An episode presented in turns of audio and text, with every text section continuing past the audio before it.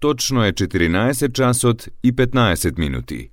Ја следите програмата на македонски јазик на јавната медиумска установа Радио Телевизија Војводина, трета програма. Емисија Македониум.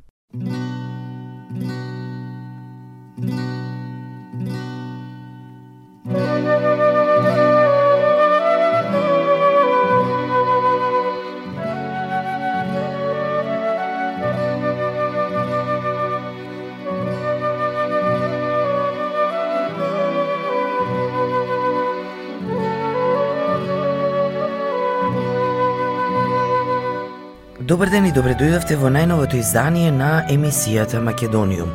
Со вас, почитувани слушатели, е вашиот уредник и водител Јулијана Милутиновиќ, секоја среда со почеток во 14 часот и 15 минути на фреквенцијата на третата програма на радиото при Радио Нови Сад. Македониум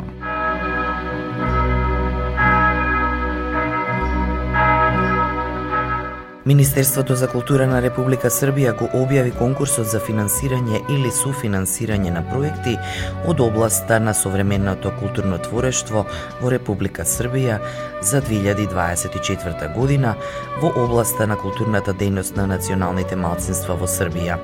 Рокот за конкурирање е 29 јануари, а деталите може да се видат на сајтот на Министерството. Исто така, Покраинскиот секретаријат за култура, информирање и односи со верските заедници го распиша конкурсот за финансирање и суфинансирање на проекти од значење за културата и уметноста за националните заедници во Војводина за оваа година ќе се финансираат проекти од областа на заштитата на нематеријалното културно наследство и современото уметничко творештво во износ од 15 милиони 500 илјади динари, како и проекти во областа на издавачката дејност на јазиците на националните малцинства, објавување на досега необјавени книги или списанија во износ од 3 милиони 900 илјади динари. Сите македонски здруженија кои имаат седиште на територијата на Војводина може да конкурираат за овој конкурс најдоцна до 19 февруари оваа година. Македониум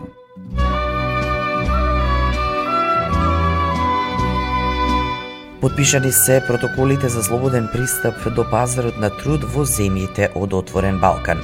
Граѓаните на Северна Македонија, Србија и Албанија ќе добијат слободен пристап до пазарот на труд на овие три земји, за што вчера се подпишаа протоколите за слободен пристап до пазарот на труд во земјите од Отворен Балкан. Министерот за информатичко општество и администрација на Република Северна Македонија Алир Алију со колегите од Србија и Албанија го подпишаа протоколот за меѓусебно поврзување на шемите за електронска идентификација на граѓаните од Западен Балкан. Директорот на Агенцијата за вработување Ведат Османи, заедно со колегите од Србија и Албанија, го подпишаа првиот протокол за спроведување на условите за слободен пристап до пазарот на труд на Западен Балкан. Со овие протоколи завршени се необходни правни чекори за почеток на мерката, со што останува да се реализираат уште финалните технички тестирања и осогласувања во рамките на системите за е-услуги во трите држави се очекува мерката да стане достапна за граѓаните во текот на март 2024 ја потврдивме подготвеноста за зајакнување на меѓусебните односи и разбирање со цел економски развој и изголемување на економскиот раст, инвестициите и вработување на Западен Балкан. Подпишувањето на двата протоколи значи и заемна законска обврска за започнување на бесплатен пристап до пазарот на трудот.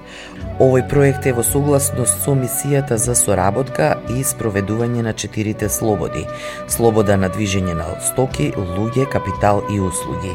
Со цел да се обезбеди напредок и економски просперитет, земајќи ја предвид важноста на мобилноста и на движењето на работниците и почитувајќи ја имплементацијата на правото на Европската Унија во областа на слободното движење на работниците и подготовката за поблиска интеграција на еднаквиот пазар во Европската Унија, дозволуваме поедноставување на процедурите за слободен и еднаков пристап до пазарот на труд.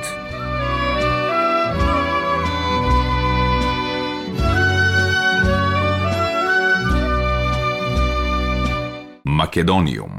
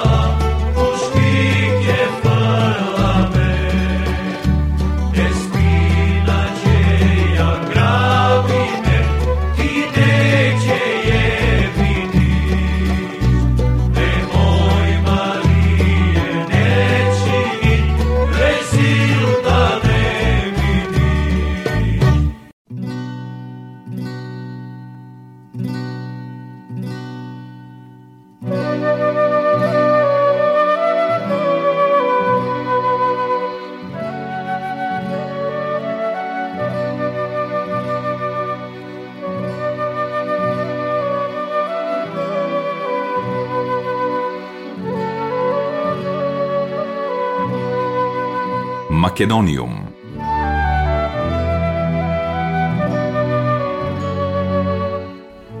Започната како проект за време на пандемијата, кога беа откриени сите можности на онлайн комуникацијата, Зимската школа на Меѓународниот семинар за македонски јазик, литература и култура завчера го отвори своето четврто издание.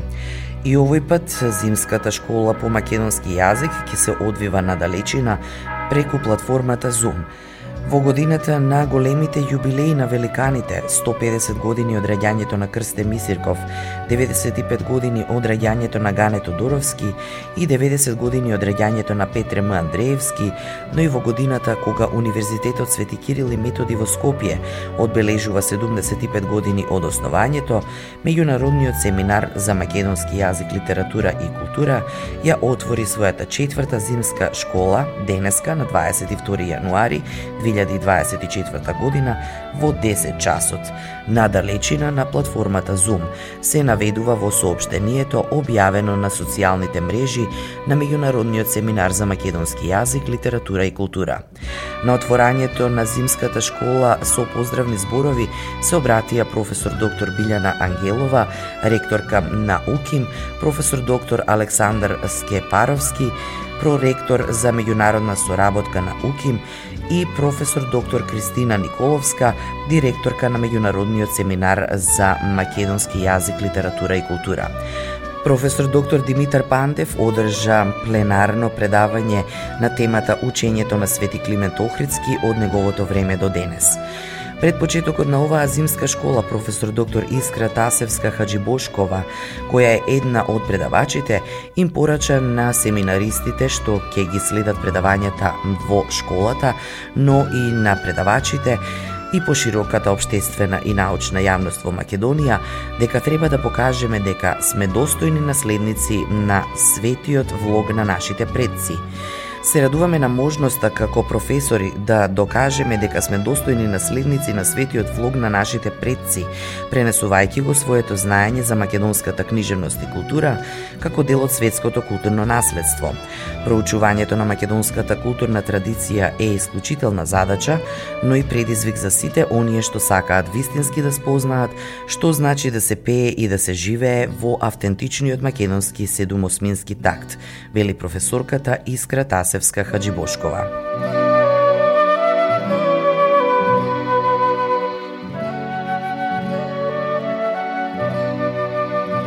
Македониум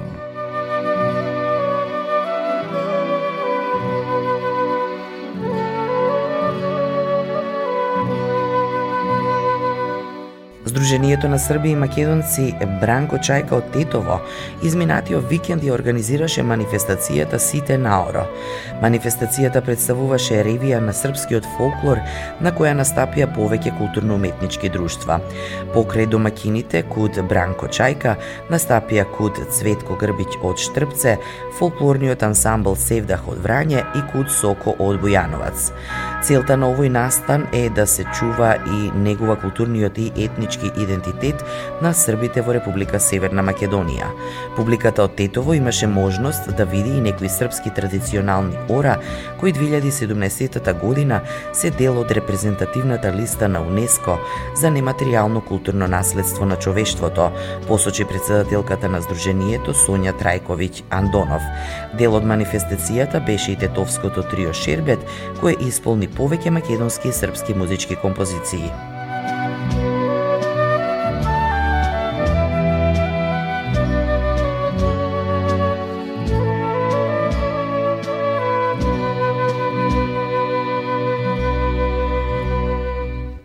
Македониум.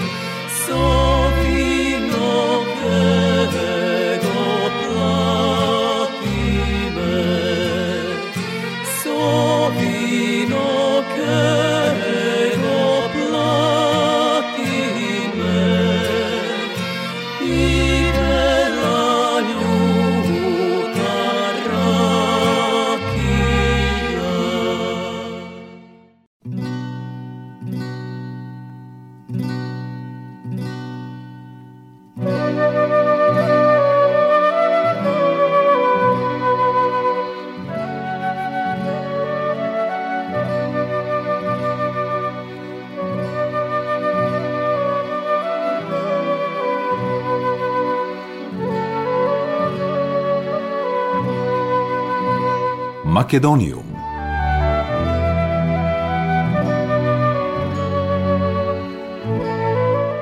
На својата конститутивна седница Комисијата за доделување на наградата Роман на годината за 2023, што ја да доделува Фондацијата за унапредување и промоција на културните вредности Славко Јаневски, констатираше дека на годинешниот конкурс пристигнале 35 романи.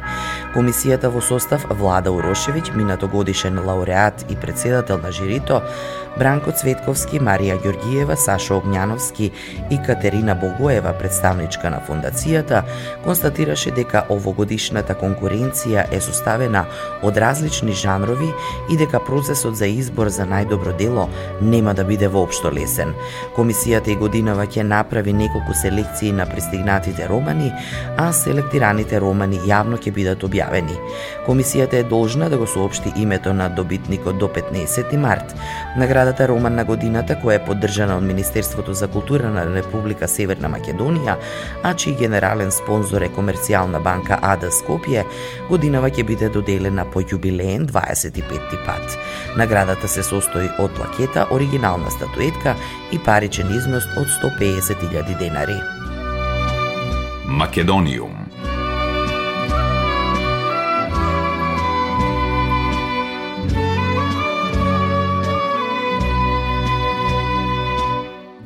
Во текот на утрешниот ден, премиерот на Република Северна Македонија Димитар Ковачевски ќе поднесе оставка. Со тоа во оставка е целата негова влада. Тој вчера и самиот тоа го соопшти. Со овој чекор ќе почне процедурата за избор на нова пржинска влада, во која ресорите за внатрешни работи и за труд и социјала, како и три заменички места, ги добива опозицијата ВМРО ДПМН се уште не ги соопштило имињата за овие позиции. Ситуацијата се усложнува затоа што на изјавите на ВМРО ДПМН дека ќе предложи кадри, но нема да гласа за владен кабинет кој ќе го предводи Талат Џафери. Мнозинството одговори дека во тој случај ќе биде предложена влада во која местата наменети за опозицијата ќе останат празни. Предстојните избори, според Ковачевски, се клучни за еднината на земјата и за незината ориентација, кон исток или кон запад.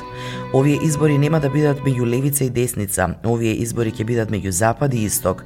Такви ќе бидат изборите во 2024 Предходно неговиот прв заменик ја отвори темата за влијанието на Москва во земјата, почнувајќи од настаните од 27 април преку подпишувањето на Преспанскиот договор, па се досега период на предизборие. ВМРО ДПМН реши да проговори на пораката на првиот човек на Стейт Департментот за Европа и Евроазија, Джеймс О'Брајан, дадена во Скопје во пресрет на изборите, дека граѓаните имаат избор меѓу една партија која дала предлог за напредок и партија која сама ветува дека ќе најде друг начин на напредок. ВМРО ДПМН е докажано секогаш била проевропски ориентирана, а во однос на главното прашање со Бугарија, ВМРО ДПМН има прецизни решенија кои ќе бидат дел од предизборната програма, изјави портпаролот на ВМРО ДПМН Наум Стоилковски. За неколку месеци во земјата ќе се одржат двојни избори. Првиот круг председателски избори на 24 април и вториот круг председателски заедно со парламентарните избори на 8 мај.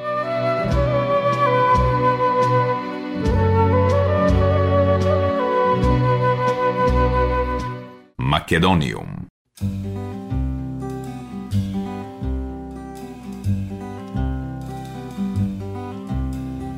Bitola, prva ljubov si moja, naivna, valka najblu.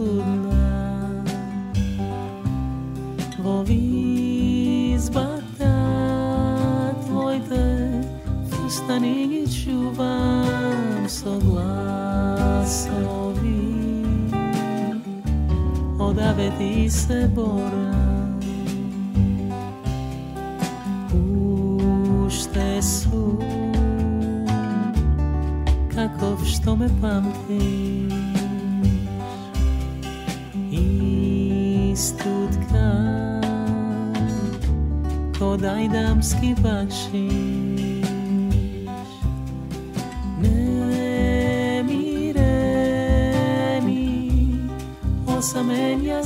скитам по кутлуци Без гулаби спијам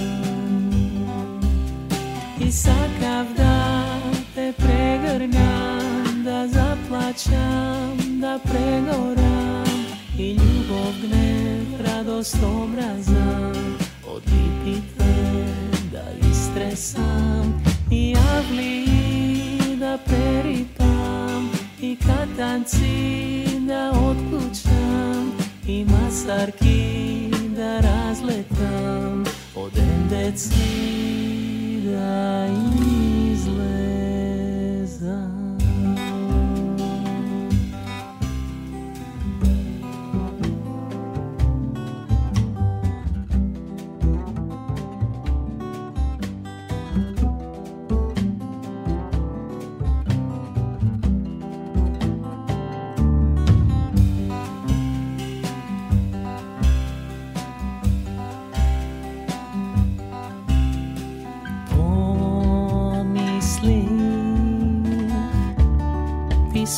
strada di Prata.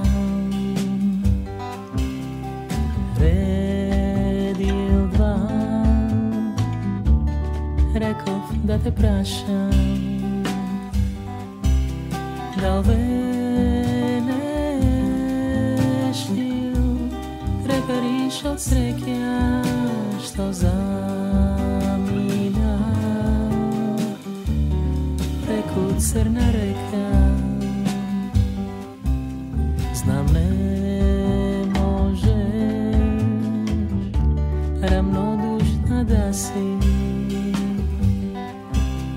te prepoznal, nisokat si prazni.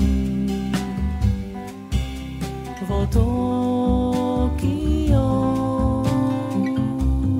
Memphis, Varanasi, nas me vnanis i šare ti tražni. I sakav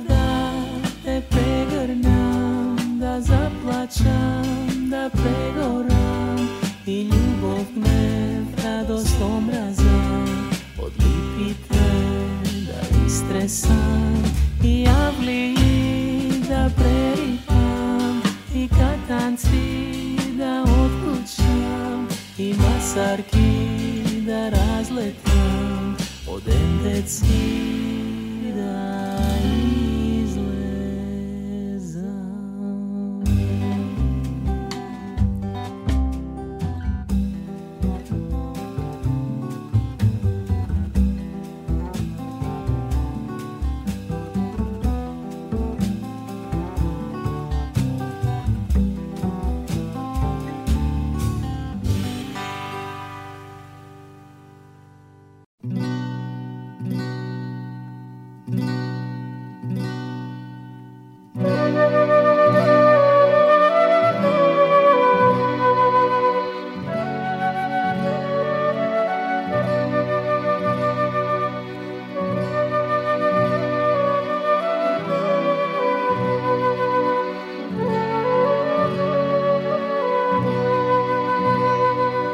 Почитувани слушатели, тоа беше се во денешното издание на емисијата Македониум.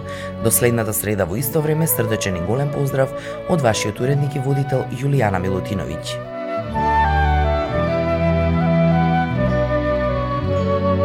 Ја следевте програмата на македонски јазик, емисија Македониум. Главен и одговорен уредник Воин Поповиќ.